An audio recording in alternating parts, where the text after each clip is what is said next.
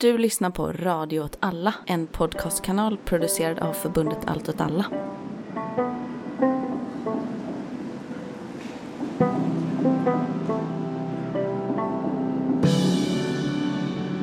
Hej och välkomna till Mina drömmars stad, avsnitt 18.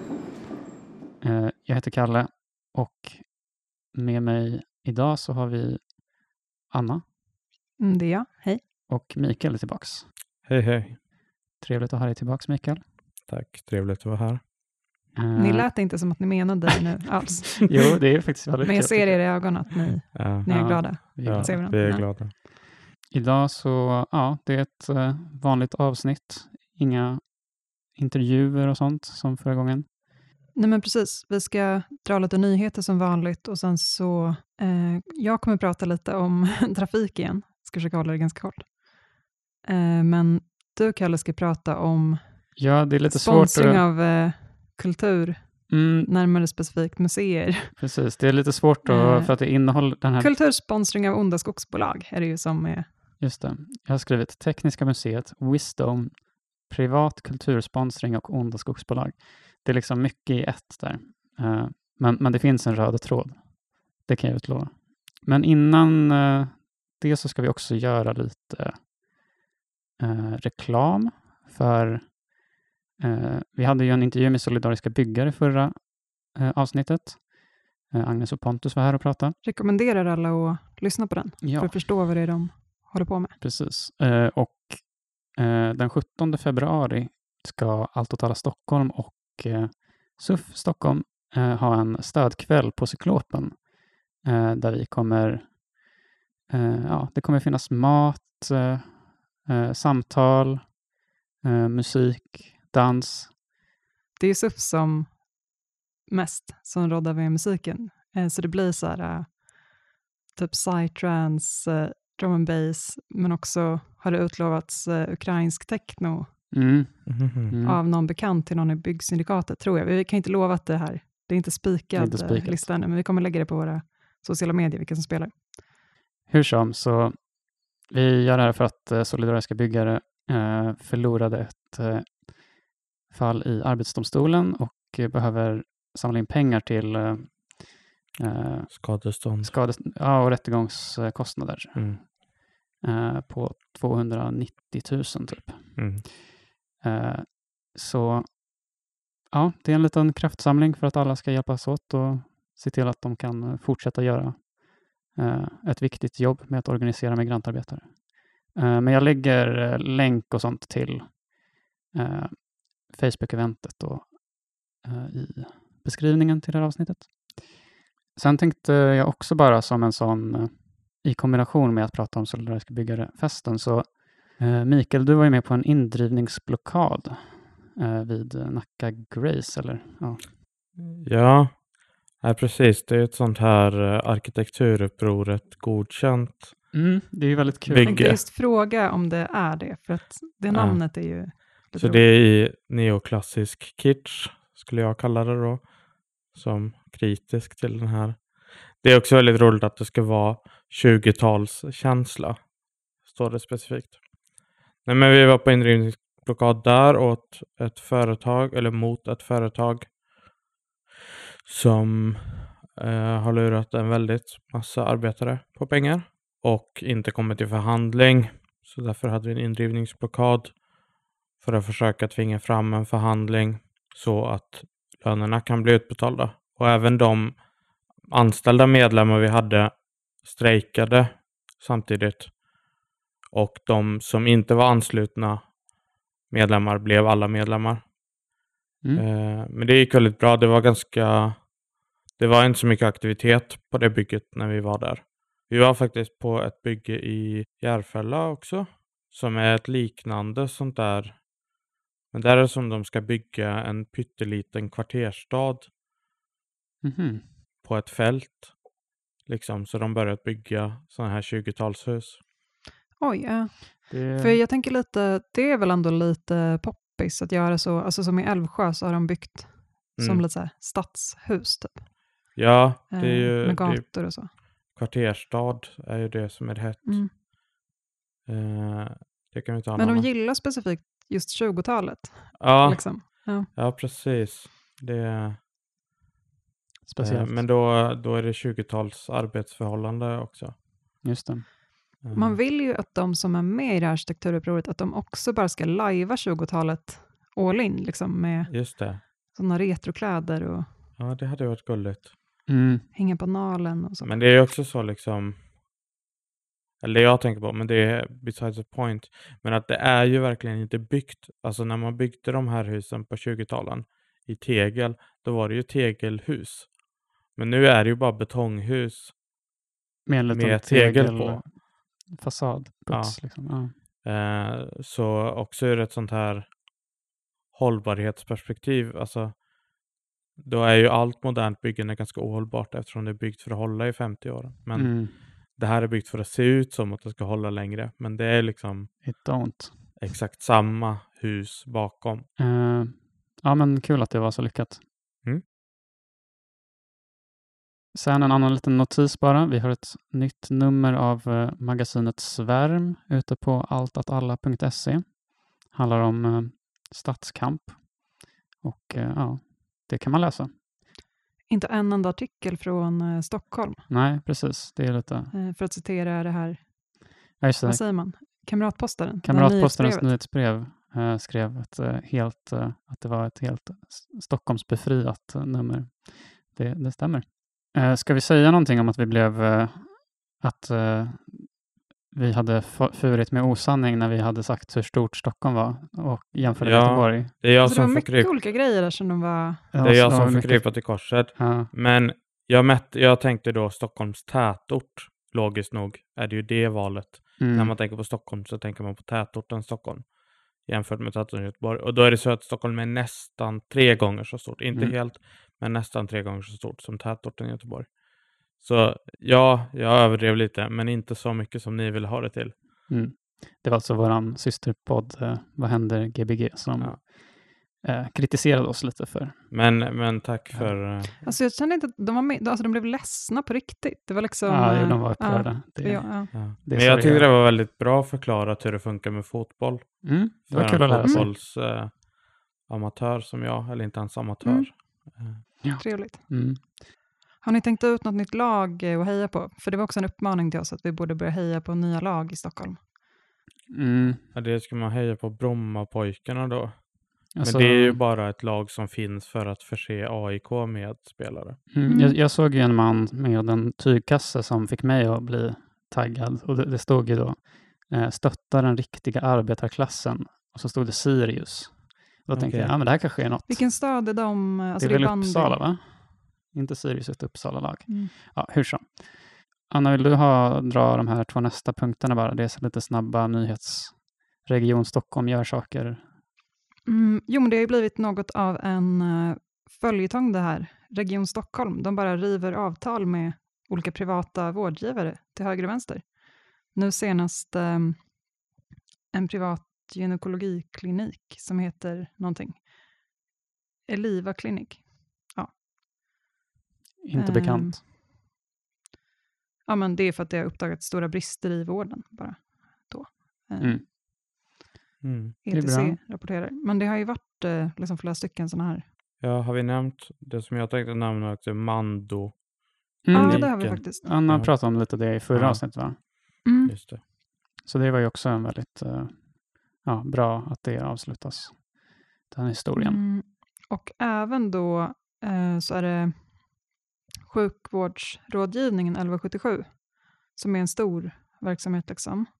Ah, nej, men de har liksom Precis. köpt tillbaks det. Och De det blev ju dyrt, det. alltså 67 miljoner kronor, men, Mm. göra det. men var det inte 1177, jag vet inte om det var just Medhelp, men att det var liksom en, någon form av, någonting med någon så IT-säkerhetsgrej. Att typ Mm. personuppgifter läckte ut. Var det det. de? Ja, jo precis. Så kan det vara. Men det här tror jag bara gällde egentligen, rubriken kanske var lite, alltså att det gäller telefonupplysningen specifikt. Alltså när man ringer Mm. in och ber om Just råd. Eh, sen så är liksom plattformen med den här hemsidan tror jag är separat. Mhm. Just det. Ja, ja, Hur som. Mm, och när jag tänker efter, varför skulle de ha ens uppgifter om det bara är en hemsida? Ja, men det är, Ja, men det har man väl. Man Man kan ju logga in där med sina... Man gör det, just ja, det. Jag tänkte att det bara var... Man gör det. Alltså jag brukar slå upp grejer när jag känner mig lite hypokondrisk. Alltså det är det Mm. som är... det Grejen. Mm, Men jag är väldigt känslig, så jag blir ofta alltså illamående när jag läser om Mhm. skador och sånt, eller sjukdomar. Så det är inte så bra för mig. Ja, Nej, du, håller, du borde hålla dig borta från sånt. verkligen. Ja. Eh, ja, då har vi det här med uh, tunnelbanan. Mm. Uh, mm, så att uh, det är ju så att vi har ett, uh, upp, en upphandling om tunnelbanan som ska tas över av ett nytt bolag efter MTR 2025. Och det, alltså, man kan läsa det här i nyhetsartiklar, jag vet inte liksom hur, hur det stämmer, men att Stockholms tunnelbana liksom är världens, största världens största icke-militära upphandling. Det låter ganska galet, men den är värd 40 miljarder. Jag vet, ja. Det kanske är så att vi är så galna att vi upphandlar sånt. ja, men det kan ju ha med perioden att det är sex år Mm. och att det liksom är hela tunnelbanesystem. Liksom. Ja, jag vet inte. ja, för det verkar, alltså är det så att alla andra bara kör det i egen regi och så, men det tror lär det inte vara. Ja, jag, det jag tror ganska många gör det. Mm. Ja. Alltså, makes sense. Ja. Göra det, men, ja. Eh, men ja, eh, och då är det ju ett, så att det har ja, skrivits en del om det här senaste dagarna, veckan. Eh, det var fyra bolag som var med och tävlade om den här upphandlingen. Eh, tre av bolagen eh, klarade inte kvalitetsbedömningen och blev liksom diskade. Eh, och de som blev diskade var då Keolis som kör bussar, eh, Transdev som tidigare hette Veolia, har kört tunnelbanan förut, eh, och MTR som är ja, MTR. Massive tra- Transit Rail. Yes, exakt. Eh, men de som vann då eh, heter Connecting Stockholm. Eh, och de vann ju lite på walkover då eftersom de var de enda som klarade kvalitetsgranskningen. Eh, och det låter ju trevligt med ett med Connecting Stockholm. Det låter ju liksom som ett trevligt lokalt bolag det här. Eh, men eh, huvudägarna är Go Ahead från Storbritannien och Comfort Delgro från Singapore. Så att de har startat upp det här eh, bolaget i princip bara för det här ändamålet, att liksom vinna den här upphandlingen. Och ja, det här bolaget Go Ahead då, som har kört tåg i Storbritannien, har, de verkar inte vara så omtyckta på hemmaplan. Eh, jag tyckte att det var talande, den här eh, bara ingressen från den här SVT-artikeln, så står det så här, eh, om det, vad de har i bagaget. Eh, undanhållen skatt, tusentals inställda tåg och omfattande förseningar. Eh, Go Ahead, som nu får ta över tunnelbanetrafiken i Stockholm, är ett av Storbritanniens mest utskällda transportbolag. År 2021 åternationaliserade regeringen ett av bolagets tågnätverk efter en rad skandaler. Eh, och här är ett citat från en Oxford-forskare. Eh, verksamheten togs ifrån dem på grund av inkompetens. Vi kan ju hoppas att vi får eh, en, en åternationaliserad... Eh, Är det en eh, konspiration det här från ja, kanske. kanske, Stadshuset? kanske. Eller inte Stadshuset, regionen. Mm. Mm. Ja, det återstår att se vad som händer eh, med det. Men eh, jag gjorde också lite eh, egen forskning, som det heter. Egna efterforskningar. ja. eh, vi har ju då eh, SL som liksom är på något sätt var, varumärkesbolaget för tunnelbanan i Stockholm. Mm. Eh, han som är vd där nu och som också är förvaltningschef för trafikförvaltningen. Han heter eh, David Langneholm.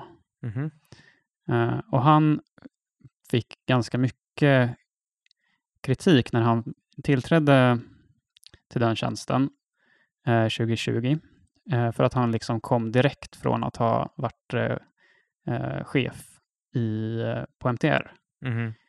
Eh, och att det kanske fanns vissa intressekonflikter där när man ska Mm. sen besluta om vilka som ska få köra tunnelbana och så vidare och att ja, ha kopplingar till ett av de konkurrerande företagen.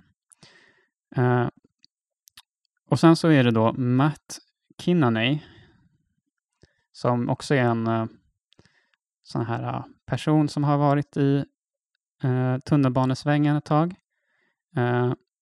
Han har jobbat inom typ alla olika företag som har kört tunnelbana i Stockholm sedan 1999 Mhm. eh, på olika chefspositioner. Men jag tyckte det var intressant att han och då David Lagneholm var hade båda chefspositioner inom MTR under samma period, mellan 2013 och 2019. Mhm. Så de har ju liksom en viss personlig koppling. Mm. Jag tänker inte spekulera mer i vad det kan innebära för problem, men ja, intressant tyckte jag. Eh, och Matt Kinney är då, då vd för det här bolag, nyuppstartade bolaget Connecting Mm. Stockholm. Mm. Mm. Så kan det se ut. Beep. Eh, det här var Kalle från klipprummet. Ytterligare en grej som var lite knasig med tunnelbaneupphandlingen kom fram när eh, en vänsterpartist som heter eh, Lina L. Jaffi, som är ledamot i trafiknämnden i Region Stockholm, hon skrev en debattartikel i SvD som heter Chansa inte med tunnelbanan. Och i den så dels så argumenterar hon för att man ska ta tillbaka tunnelbanan i offentlig regi och sluta hålla på med de här upphandlingarna. Eh, men en detalj som var intressant om hur det här gick till när det här nya tunnelbaneföretaget eh, vann upphandlingen var att då beslutet har ju då eh, berätts av trafikförvaltningen och sen så ska trafiknämnden där politikerna sitter, de ska fatta det slutgiltiga beslutet. Och då skriver Lina Eljafi så här. Eh, vi politiker hade inte fått se varken själva avtalet eller upphandlingsdokumenten innan vi förväntades ta beslut. Dessutom omfattades hela ärendet av en extrem sekretess. Vi politiker fick veta om att ärendet skulle komma på nämnden så sent som två timmar innan mötet. Och det här var ju också, Vänsterpartiet deltog inte i beslutet, alltså man la ner sin röst eh, eftersom man, ja, man är emot processen som sig sådan eh, och vill ha tillbaks verksamheten i egen regi. Beep. Ska vi, nästa punkt var du Anna som hade förberett. Just det, ska se om jag klarar av det här, för jag är trött i huvudet, för ni klippar. Jo, det är så att eh, vi ska blicka framåt lite till, till den 31 december 2024. Mm. Till mitt försvar så, jag läste det här liksom i december 2023 och då tänkte jag så här, det här händer efter ny, jag vet inte hur jag tänkte. Jag tänkte liksom på Nästa år. 31 december. Jag tänkte, ja, jag tänkte framåt, men inte så långt framåt. Eh, men i alla fall så är det ju den här miljöbilszonen i city, som kallas miljöbilzon klass 3, eh, då, som den kommer hända då om ungefär ett år. Men eh, transportföretagen, Svensk Handel och Visita är redan jättearga på det här. Mm. Och vi pratade om den här lite förut, att det är så att man förbjuder eh, fossildrivna fordon i liksom, speciella zoner då i stan. Eh, och det är främst i innerstan. Och jag tror att vi nämnde det lite kort och läste så, okej, men nu har de liksom bestämt att de ska göra det här och vi tyckte att men det är väl lite mesigt, så här. det gäller ju bara några få kvarter i innerstan där det liksom inte körs mycket, jättemycket bilar, tänkte vi. Anyways, typ. Eh, Så Mm. vi var väl inte jätteentusiastiska över det här. Eh, Men nu när jag ser hur eh, arga transportföretagen är eh, och liksom Svensk Handel, för att inte tala om eh, Visita, äckliga restaurangägar, eh, organisation, Mhm. tjosan hejsan, ja men och så här, vad fan säger man? Alltså en, eh, Arbetsgivarorganisationen. arbetsgivarorganisationen. Ni bara hör liksom, arbetsgivarorganisation, restaurang. Mm. De är arga på det här. Eh, då är jag ju såklart för. eh, för att de är så här, ramaskri, liksom, eh, alla jobb i city kommer hotas. Eh, och så. Men för att vara lite tydligare här ska jag säga vilka kvarter det gäller. Då. Det är Sveavägen, Hamngatan, eh, Birger och Kungsgatan. De bildar liksom som en rektangel. Eh, tyvärr så får man ju köra fossildrivna lastbilar och sånt Längs med dem. längs med dem, man får bara inte köra in på tvärgatorna emellan. Eh, men det är ju liksom, om jag räknar på kartan, alltså det är inte många kvarter, det är verkligen litet. Liksom. Mm. Mm. Så man tycker ju så här, men det här är lite mesigt. Eh, men tydligen så är eh, eh, det är liksom 2800 lastbilar kör genom det här området en vanlig dag. Då. Mm. enligt SVT. Fast jag gissar att SVT har tagit transportföretagens siffror. Men det Ehm, kan säkert stämma. Ja, och det är bara två av dem då som är liksom icke fossildrivna nu. Eh, så det är otroligt mycket genomfart, men det är också varuleveranser och det är därför de säger att så här, åh nej, stackars eh, företagen, de kommer inte klara sig. Liksom.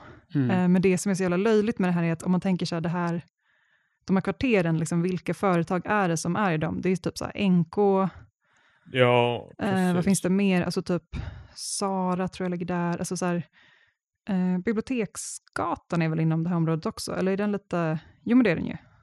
Eh, får se här, Hamngatan. Nu har jag inte en sån karta som är så inzoomad att jag ser, men det, jo, men det är det ju.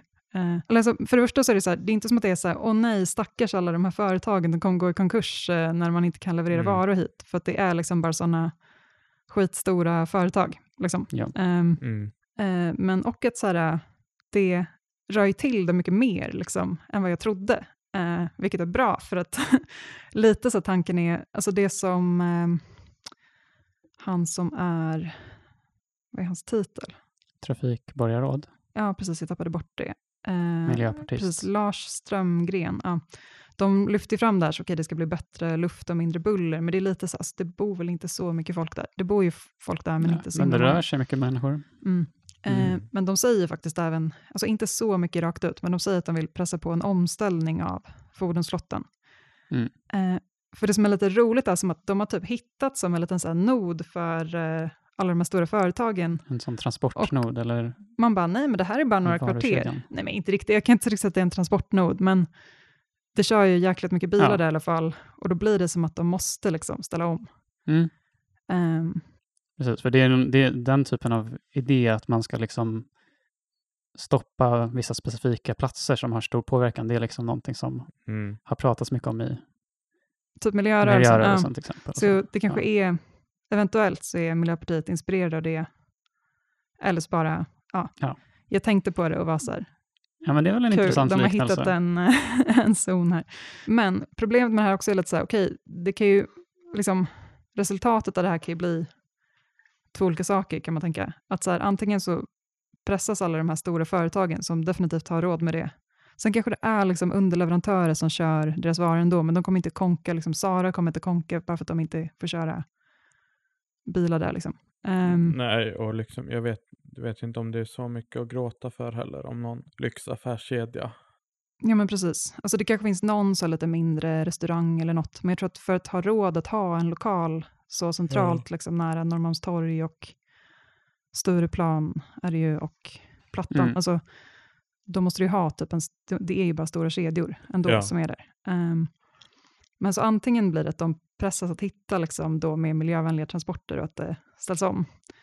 Men det är också ganska tro, troligt att det bara blir liksom kanske att de kör typ en lastbil och så kommer det vara gigarbetare som kör typ på cykel sista Jo, biten eller någonting. precis. Typ som Mathem gör. Eh, så det är ju lite, ja vi får se. Mm. Eh, det var lite kul att se bara de här arbetsgivarorganisationerna vara arga.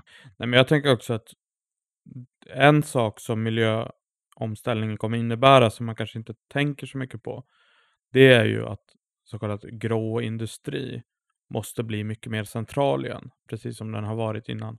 Alltså att saker produceras centralt, eller åtminstone, och på det sättet, så det blir, får väl liksom bli att det finns olika lag, vad heter det, containerstationer mitt inne i stan liksom. Det kommer vara lite annorlunda, som kan forslas ut med cyklar eller, Mm. eller mindre bilar. Jag vet inte, jag tycker det är bra. Mm. Mm. Alltså det är ett väldigt litet område här. eh, men Ja, det är verkligen det är ändå- ingenting att... att mm. Jag trodde du skulle säga att man skulle börja producera saker, så ha en liten fabrik typ eh, vid NK Biblioteksgatan. sina egna möbler. Ja, nu är det pinsamt om Biblioteksgatan inte ligger i den här zonen, men jag är rätt så säker. Alltså jag menar, Ja. Norrmalmstorg är ju där. Ja, då är det? Biblioteksgatan där.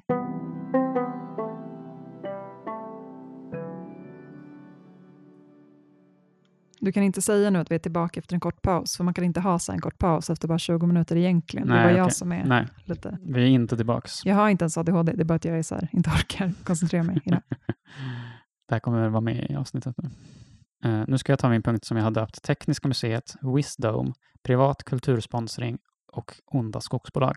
Och ja, det här är väl lite inspirerat av... Jag vet inte riktigt varför jag, varför jag kom att tänka på det här som en idé att prata om. Men Jag kan säga vad, vi vill Ja. ha en anledning att prata om eh, lite så call to action mot onda skogsbolag. ja, jo, det är delvis det, att det är lite en förevändning att prata om eh, potentiella massaktioner mot skogsbolag. Eh, men Vi kommer till det, vi, vi får kommer till eh, det. infopunkt på slutet. Ja. Eh, Tekniska museet då skalar upp medan andra museer går på knäna. Eh, dels gör man en ny satsning ute i Tensta där man ska öppna en filial och eh, man har nyligen invigt det prestigefyllda projektet Wisdom. Eh, Mikael, vad tror du Wisdom är? Du kanske vet? Nej, jag vet inte. Alltså, jag antar att det är någonting med en dome att göra, alltså en kupol. Det stämmer? Har du Jag någon vet, aning? en, jag vet en grej, jag har inte sett, jag har sett en bild på det, att det är en kupol. Mm. Men den här, eh, det där de gör i Tensta, är, alltså det är något med den lokalen. Det har varit en jättestor gymnasieskola tror jag. Okej. Och det är en sån där lokal som typ alltså Stockholms stad sålde ut. Alltså att man Mhm. ägde den och sen så Mm. sålde man den. Och så var det tjafs om Okej. det. Men den är säkert dyr att ha också. Ja. Om de inte ska ha den till något så känns det ju som att... Men, men alltså innan vi går in på att vara kritiska, jag tycker det är positivt att man öppnar en filial i Tensta. Jo, det är Alltså, väl... det är- Säkert. Jag bara minns att det var något med den Mm. lokalen. Ja. Eh, Eh, Jag har inte så mycket mer att säga om det egentligen. Det var bara ett exempel på att de liksom expanderar sin verksamhet.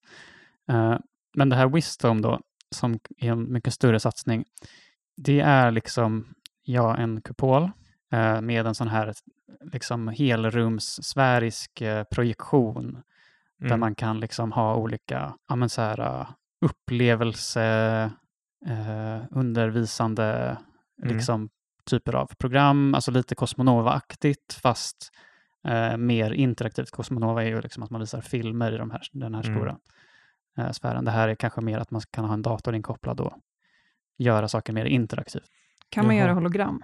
Man Det vill, ju, vet jag inte. man Nej, vill att det ska vara nej. så sci-fi.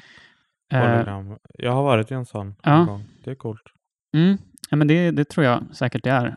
Men det som omsluter den här kupolen då är ett väldigt stort träbygge där man har eh, byggt liksom som en stor böljande liksom trästruktur i rent trä med stora så här bjälkar som är, ja men de kanske är 30 meter långa och sen så är de liksom böjda så att det blir liksom den här kupolformen även utanför. Ja, lite mer det jag tänkte eh, nörda in mig på för att det är, kan man säga, en så här, ja men arkitektoniskt och typ när det kommer till byggmaterial så är det så här väldigt i framkant med vad man kan göra med trä, typ som material.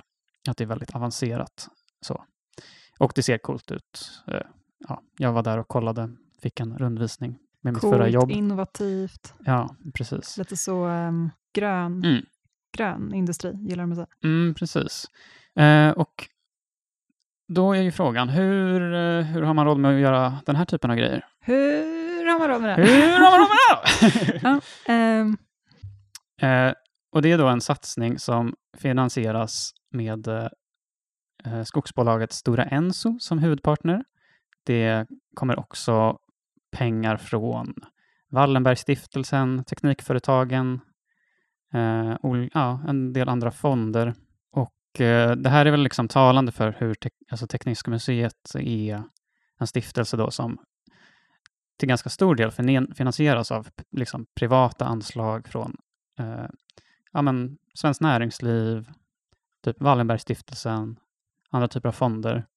Eh, och de, de får bara 40 procent av sin liksom, årliga budget från eh, statsbidrag. Vilket jag har inte gjort någon jättestor eh, jämförelse med andra museer, men vad jag vet så eh, andra museer är nog betydligt mer beroende av eh, statsbidragen än vad Tekniska museet är. Ja, den samarbetspartnern då som vi ska fokusera på här är, är då Stora Enso, som är ett, det här skogsbolaget, som är en ihopslagning av två stora, ett svenskt och ett finskt eh, Mhm. eh, skogsbolag som gick samman på 90-talet tror jag. Och de är, ja, vad ska man säga, de är liksom, eh, förutom att vara ett skogsbolag som gör, liksom bedriver eh, ja, men skövling och liksom eh, pushar för en väldigt dålig skogspolitik, så har de också liksom ett ganska skurkigt eh, track record. Förutom att ha ett skurkigt track record så, Så har de ett skurkigt track Ja. record. försökte Okej, säga. det är vad jag försöker Ja. säga. Precis. Eh, senast 2023 så fälldes de för otillåten avverkning av naturreservat och Natura 2000-områden. Eh, Det var i Sverige va? det var i Sverige. Mm. Eh, och sen så har de liksom en lång lista av eh, olika brott eh, globalt också. Eh, jag kunde, det fanns en SvD-artikel faktiskt från 2014, eh, så lite utdaterat, men jag kan bara ta några av liksom headlinesen här. Och det var, en, uh, ah, okay. det var baserat på en UR-dokumentär som gjordes som hette Den tysta skogen. Till exempel här, eh, i Kina så eh, hot mot markägare och uteslut, utslagning av biologisk mångfald.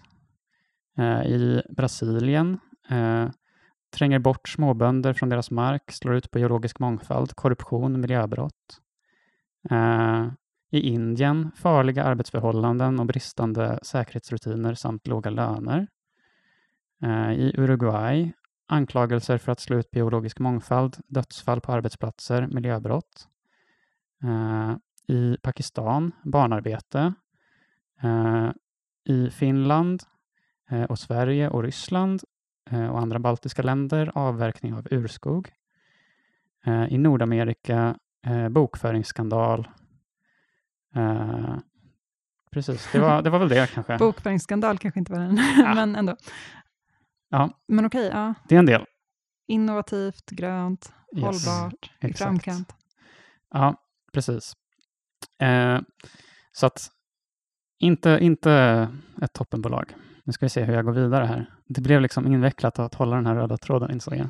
Men Alltså man kan ju fundera om det är liksom att de har så mycket näringslivssponsring och så på Tekniska museet, om det liksom påverkar utställningarna, deras pedagogiska uppdrag. Mm. eh, Så liksom. alltså de, det Eh. de gör är att de definitivt bidrar till ett ganska stort eh, greenwashing eh, liksom, kan man ju garanterat säga. För att eh, då Stora Enso liksom framställs som just så här eh, en innovativ part i den gröna omställningen som liksom tar fram nya sätt att använda trämaterial på. Det är liksom det som presenteras om Mm. bolaget och att de liksom är huvudsponsor för det här projektet. Så att, Hur, alltså har du varit där ute, visst var du där ute med ditt gamla jobb? mm, det var jag. Eh, och är, alltså, hur synligt är det liksom att det står en så? Är det väldigt så? Eh, Eller står det bara mm, lite på hemsidan? Det stod nog på hemsidan. Det kanske, jag var ju inte där när det hade invigt. Jag var där innan. Mm. Det var fortfarande en byggarbetsplats liksom när jag var där. Så att, eh, men jag tror inte, ja, jag vet inte eh, faktiskt. Jag kan inte säga. Det kanske finns en infotavla om sponsorerna. Det skulle jag kunna tänka mig att det gör. Eh, det finns liksom, eh, när man kommer in i entrén så finns det också en sån arkitektmodell där det säkert går att läsa om det och Mm. att uh, Stora Enso är en huvudsponsor. Liksom. En annan grej där liksom Stora Enso dök upp i nyheterna här nyligen som var lite, ja men också på temat, eh, det var att EU-kommissionens ordförande Ursula von der Leyen var ju också i Stockholm för att träffa Ulf Kristersson och eh, Finlands statsminister eh, Petteri Orpo. Och hon var ju här då för att prata om just skogspolitiken och att eh, Sverige in, liksom, eh, inte riktigt eh, går i linje med eh, EUs nya skogspolitik. Eh, EU har ju ganska nyligen eh, lagstiftat om en, ja, men en ny skogslag som handlar om att man ska liksom, återst liksom återställa mer skog, man ska eh, se till att eh, ja, men skogsarealer växer, att det blir eh, ja, men kolsänkor. Liksom. Precis, det är ju någon grej om biologisk mångfald som har varit på gång. Mm, Men det, det är är, det på. EU-nivå eller är det på Ja, det tror jag. FN? Ja, okej, ja. Men det, ja, det, det, jag tror jag, prat, jag pratade om det här, den här EU-lagen i podden, men då pratade jag bara om de här de urbana implikationerna, Just det. Ja. ja, som träd i städen, staden. Mm. Eh, Men det, här, det handlar ju om liksom i hela, la- ja, hela landet. Eh, Och Sverige går ju rakt, och Finland också, går ju rakt emot det här, att man nu faktiskt är eh, våra skogar, eh, liksom, de, är, de släpper ut koldioxid. Mm. Nej, Mhm. för det är ju den ena grejen i biologisk mångfald-spåret. Liksom. Ja, alltså, det det är är, den ena. en lag som har kommit. Men sen är det väl det här med hur man ska räkna Mm, sina utsläpp. precis. Ja. Alltså jag tror att de flesta som lyssnar har hört det här. nu lät det vi lite så här. Men, eh, och där är väl Sverige också så jättemot att man vill kunna fortsätta räkna det som en grönnäring och allt det där. Ja, och att ett kalhygge räknas som skog. Mm. Just Eh, det. Mm. Mm. Eh, precis. Att en skog räknas som skog är ju ganska optimistiskt ofta. Ja, Mm. Om man har varit i svensk skog. jo men precis. Så hon var ju här. Eh, de hade liksom eh, något samtal, jag vet inte om vad. Eller ja, de, det handlar om skogen. Men under den, liksom, det besöket så passade de på att göra ett studiebesök på Stora Ensos innovationscenter i Sickla. Eh, Vi får så mycket bra adresser här på ja, liksom på- mål mot Stora Enso i Stockholm ja, där ser man. för miljöaktivister. Och då liksom också där, liksom, det här ständiga, få en rundvisning av hur det här eh, stora skogsbolaget eh, gör massa superviktiga grejer för den gröna omställningen med att ja, innovera på olika sätt. Och efter det så eh, hölls också vad som har beskrivits i media som en hårt regisserad presskonferens där tre på förhand utvalda godkända frågor besvarades. Mhm. Det här är ju liksom, min slutsats med det här är, alltså om man ska ta det här med kulturen, som också var det jag började med, liksom, Mm. med museer. Alltså, det är lite den här vägen som jag tänker att eh, olika moderata kommunpolitiker i till exempel Norrköping och vilka andra har varit i ropet? Ja, men Nej, men det har väl varit... eh, det här med att de Ja. museer och kulturinstitutioner ska liksom eh, bli mer självfinansierade, stå på egna ben. Eh, ändå, det är ändå en hållning som många inom eh, högern nu liksom eh, förespråkar när museerna liksom är nedläggningshotade, tak faller in och så vidare. Så då kan man ju, då är, då är det det här det innebär, att man liksom ska börja hålla på med så stora typ greenwashing-projekt åt olika näringslivsidkare. Mm. Det är där pengarna finns. Mm. bra Eh, tips ja. till de Till- kulturinstitutioner som behöver pengar. pengar. Ja, men till exempel så, en grej bara, så det kom ju en stor nyhet om att eh, Vasamuseet behöver supermycket pengar för upprustning. Mhm. De gjorde ju så att de vände sig till allmänheten för att samla in pengar och liksom bad om stöd. Men tänk om de skulle vända till, sig till Stora Enso, där finns det jättemycket liksom crossover med Ja. träindustri. Ja, det finns Så vi bra. kan, Mm. mm, jag, jag tänker att det är lukrativt. Precis. Ja, jag bara funderar vad de skulle behöva för, för material. I, vad, vad det är byggt av, men det är säkert byggt av trä. Ja. Vasa, Vasaskeppet. Vasaskeppet, ah, ja. De kan renovera det lite. Ja. Absolut. Man kan göra en skalaenlig kopia. Jag tänkte, precis, jag tänkte på, inte på själva museet, jag tänkte på Mhm, skeppet, ja, att det är där Mm. som de, kan behöva lite extra Så trä. att man kan gå in i det. Som man kunde Mm. förr. Mm. Mm. Det är något Precis. jag är väldigt avis på. Och varför Ja. jag aldrig har gått dit. För att om man inte kan gå in på Vasaskeppet, Vad är det så då? kul är det inte att titta på en båt. Mm. Man vill ju Mm, vara där i. Ja. Nej, men alltså, naturhistoriska kanske skulle kunna ha en utställning om eh, vilka djurarter Olja, som trivs i kalhyggena. Just det. Ja. Eh, typ. Skulle de kunna? Ja, Mm. precis. Hur oljeborrning, det är så man hittar dinosaurier. Ja, just det. Det har jag inte ens tänkt på. Vadå? Alltså de hittar... Man hittar dinosauriegrejer när man borrar olja. Och oljan är väl gjord av... Dinosaurier. Dinosaurier. dinosaurier. Ja, dinosaurier. bland annat. Så att oljebolagen, nat- där, har- där, Mm. mm. vi kommer på så mycket bra idéer just nu. Mm. Eh, Okej, men Mm. till infopunkten om eh, ja, varför vi pratar om eh, skogsindustrin. Eh, Ni minns alla Take Concrete Action som eh, för förra året mm, eh, var de, eller de, alltså det var en eh, aktion som var på Gotland mot Cementa då, så klimatmassaktion. Men nu så riktar de in sig på skogsindustrin, skogskapitalet som de säger på sin Insta. Men, eh, nej, men det handlar ju just om det här, alltså, men här är det specifikt eh, pappersmassaindustrin. Har Stora Enso någon De har pappersmassatillverkning? ett, Det, eh, ja, men det är typ det de gör. de just det. har ett stort pappersmassabruk i Gävle, tänka sig. Just det, tänker sig. Ja. Eh, nej, men den heter också Pulp Fiction, den här. Eh, som i Paper Pulp, det pappersmassa. är väldigt bra. Eh, mm. Men eh, ja, alltså de... Datum to be announced är det. Men det är I- nu i sommar 2024. Alltså jag har På hört deras, ryktas eh, om att det är i början av på sommaren. deras, de har en eh, GoFundMe, nej vad heter det, inte en GoFundMe, en sån crowdfunding-grej för att eh, samla in pengar till klimatlägret. Eh, och där står det i juni. eh, i alla Mm, fall. ja, men för det var det. Eh, Men man kan gå in på Take Concrete Actions eh, Instagram eller på deras sida eh, takeconcreteaction.info tror jag den heter. Jag kan länka till den också eh, för att läsa mer. Men eh, det kommer eh, bli kul. Och det är då i, precis i Gävle mot eh, just pappersmassa där. Eh, så det blir liksom ett klimatläger. Anna, du har varit på ett Ja, sånt klimat, förut. eh, jag satt just och lyssnade, läste bara här på deras, eh, deras Insta, så jag blev bara distraherad, lyssnade Förlåt. inte på dig. Ja, det händer. Men var med på ett klimatläger, alltså man brukar väl eh, träna lite inför aktionen. Mhm. Man försöker hitta sin vängrupp som man ska gå med.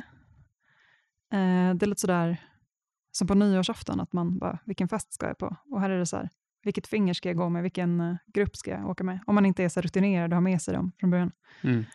Men det kan vara lite, ja, men det brukar ju vara så här workshops, eh, lite föreläsningar och sånt. Man Mm. brukar blockera saker sen.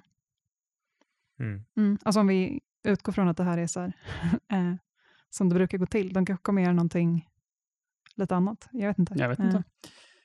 Men ja, Eh, ja, men Kalles röda tråd här helt enkelt är att eh, Stora Enso och andra skogsbolag, onda, de är mitt ibland oss, till och med på i Barnens museum och sen till och med på Gärdet och i Sickla är de. Mm. Det, var, det var väl min Eh, poäng. men du precis. kan göra någonting, du kan åka till Gävle och eh, och vara med. i sommar. Precis. Fantastiskt. Är det något annat vi har eh, att säga innan vi avslutar? Jag tycker avslutande ord bara så ehm, till alla som lyssnar, ta ditt ansvar och kom till Cyklopen den 17 februari. Eh, Mm. Lyssna på panelsamtal, ät mat och swisha en slant. Det är inte bara äta mat, utan man ska ju swisha till Mm. Mm. kassan då. Eh, så att vi klarar den här kostnaden, eller så att Solidariska byggare klarar kostnaden för de här rättegångskostnaderna. Mm. Så ta ditt ansvar och dansa till lite ukrainsk techno Mm. och sånt. Det Ja. tror jag verkligen. Yes. Eh, och om man i- då inte kan komma, om man har en riktigt bra ursäkt, eh, då kan man också swisha bara direkt nu när man lyssnar på det här. Eh, jag kommer lägga ett swishnummer i beskrivningen. Mm. Bra. Bra, okej. Bra. Eh, ja, annars så, eh, om man har gjort alla de här andra grejerna redan och har ännu mer pengar, då kan man stötta Radio Tala på Patreon. Men inte innan man har swishat Solidariska byggare. Ja, tack för att ni har lyssnat. Hej då. Hej då.